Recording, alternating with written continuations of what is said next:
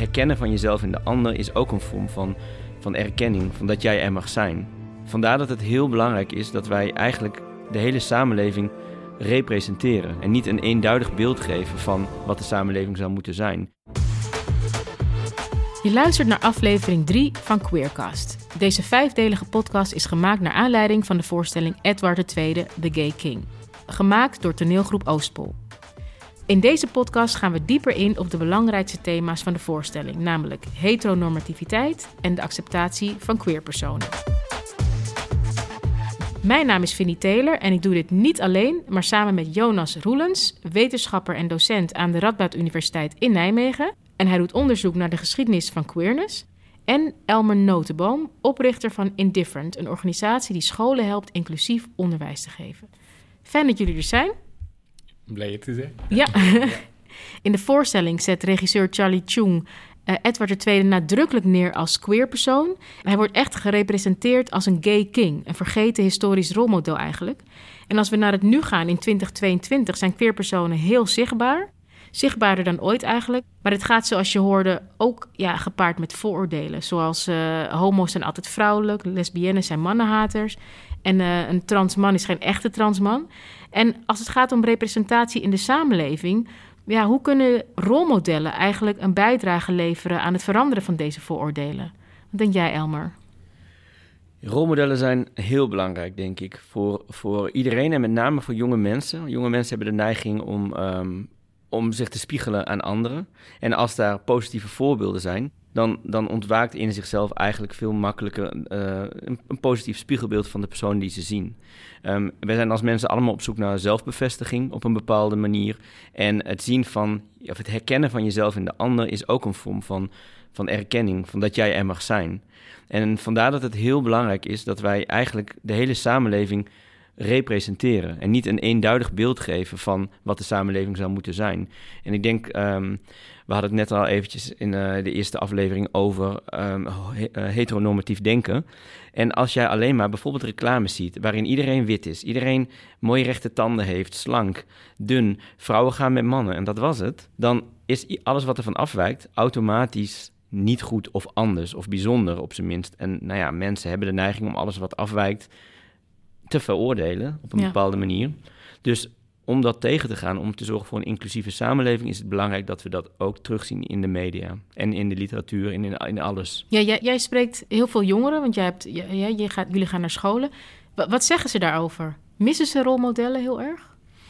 Um, er zijn op dit moment heel veel series, meer dan ooit, waarin homoseksualiteit of panseksualiteit een, een rol speelt. En waar voorheen het een rol speelde als laten we zeggen, probleem. Er was een karakter en die was homo en die moest uit de kast komen. En het was, het was naar en eng en mensen accepteerden het niet. Nu zie je veel vaker dat iemand gewoon homo is, maar dat er geen extra nadruk op ligt. Dat is denk ik een hele positieve ontwikkeling van de afgelopen 10, 15, 20 jaar. Dus ik denk dat mijn leerlingen dat meekrijgen. En dat dat ook aan de, uh, ten grondslag ligt aan het feit dat zij zich nu op jongere leeftijd sterker durven te profileren in de samenleving. Ja, wij zijn even oud, dus ik denk dat wij inderdaad op zijn gegroeid. Um, ik weet niet hoe oud jij bent, Jonas. Ik ben 32. Oh, iets jonger. Iets is jong. Maar ik denk dat wij wel alle drie zijn opgegroeid met het beeld wat jij net schetste. In een uh, soapserie zit je te kijken naar een jongen die op jongen valt. En dat is, dat is een probleem. En hij schaamt zich. En, en nu inderdaad, als je naar series kijkt, is gewoon iemand homo. En je bent toevallig bakker. Of je bent, hm. je bent bakker en toevallig homo, maar dat heeft er in, voor het verhaal niets mee te maken. En jij, jij zegt dus dat dat wel. Nou, ik zal het even op mezelf terugbrengen. Toen ik 12 was en ontdekte dat jongens eigenlijk leuker vond dan meisjes, was dat iets wat zich afspeelde in mijn hoofd. En daarbuiten eigenlijk niet op een enkele homoseksuele mediafiguur na. Maar dat waren niet per se mensen uh, zo, zo, zoals ik dacht dat ik zou zijn. En ik zag het niet om me heen. En dat gaf me een heel geïsoleerd gevoel. En dat heeft er echt toe geleid dat ik in de depressie ben geraakt als, als tiener. Ik heb eigenlijk zes jaar verzwegen voor de wereld om me heen dat ik op jongens viel. En dat heeft ertoe geleid dat, um, dat ik heel slecht presteerde op school. Ik ging van VWO naar HAVO naar MAVO. Ik ben van school gestuurd. Ik ging een beetje het verkeerde pad op. En ik denk dat dat verhaal, dat dat nu... Het komt nog voor, ik zie het op elke school waar ik kom, maar het komt minder voor. En waarom? Omdat kinderen sterker zich uiten dat ze recht hebben om er te mogen zijn. Ze, we hebben een hele activistische uh, jeugd op dit moment, waar ik heel trots op ben. Op een hele positieve manier eisen ze eigenlijk hun plek in de samenleving op. Ja. En zijn er eigenlijk genoeg rolmodellen in Nederland? Ik denk niet dat er ooit genoeg rolmodellen zullen zijn. Want bijvoorbeeld, er zijn nu wel veel, laat ik het even op mezelf uh, houden, bijvoorbeeld homoseksuele rolmodellen. Maar ik ben zelf uh, ook nog eens een mix tussen Nederlands en Indisch bloed. En dat zie je dan weer niet. Ja. Dus tot het moment dat eigenlijk alle soorten of type mensen, hoe je het zou moeten noemen, eh, gerepresenteerd, zijn. zijn. dan pas is het genoeg. Maar is het dan ook niet zo? Want je kan nooit zeggen dat iedereen um, ja, gelijk is. Iedereen heeft wel, net als het, uh, dat kruispunt denken. Iedereen zit op een, op, een, op een kruispunt en heeft verschillende identiteiten. Zijn we dan in essentie, moeten we niet naar een samenleving toe waarin we allemaal rolmodel zijn voor mensen om ons heen. Snap je? Want als mhm. jij zegt van nou, ik zoek eigenlijk heel specifiek. Ja, en ik moet op mannen vallen. En iemand die ook nog gemixt bloed heeft. Ik zoek misschien iemand die uh, uh, hetero is, is uh, maar een zwarte vrouw. Die dan heeft gestudeerd. En die houdt van het lezen van boeken en zo. Ik wil heel specifiek dat rolmodel. Maar dat, en wat, wat zoek jij, Jonas? Goh. Uh, ja, een 32-jarige witte, witte man, denk ik. Een West-Vlaming die aangespoeld is in Gent. En die, ja, dus ja, je kunt zo blijven doorgaan. Hè? Je kunt ja.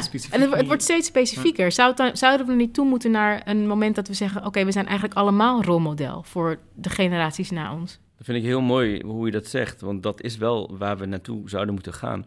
En het is eh, heel raar om jezelf als rolmodel te zien. Maar toen ik in het onderwijs ging werken, toen op een gegeven moment moest ik wel inzien dat alles wat ik deed effect had direct effect op de klas. Als ik moe de klas inkom, dan heeft dat een directe weerslag op de klas en dan zul je dat ook terugkrijgen. Als ik vrolijk aan het begin van de les iedereen welkom heet en ik maak een grapje, dan krijg je een heel andere dynamiek. En als je daarover na gaat denken, dan weet je dus van ik heb invloed. Kinderen kijken tegen je op.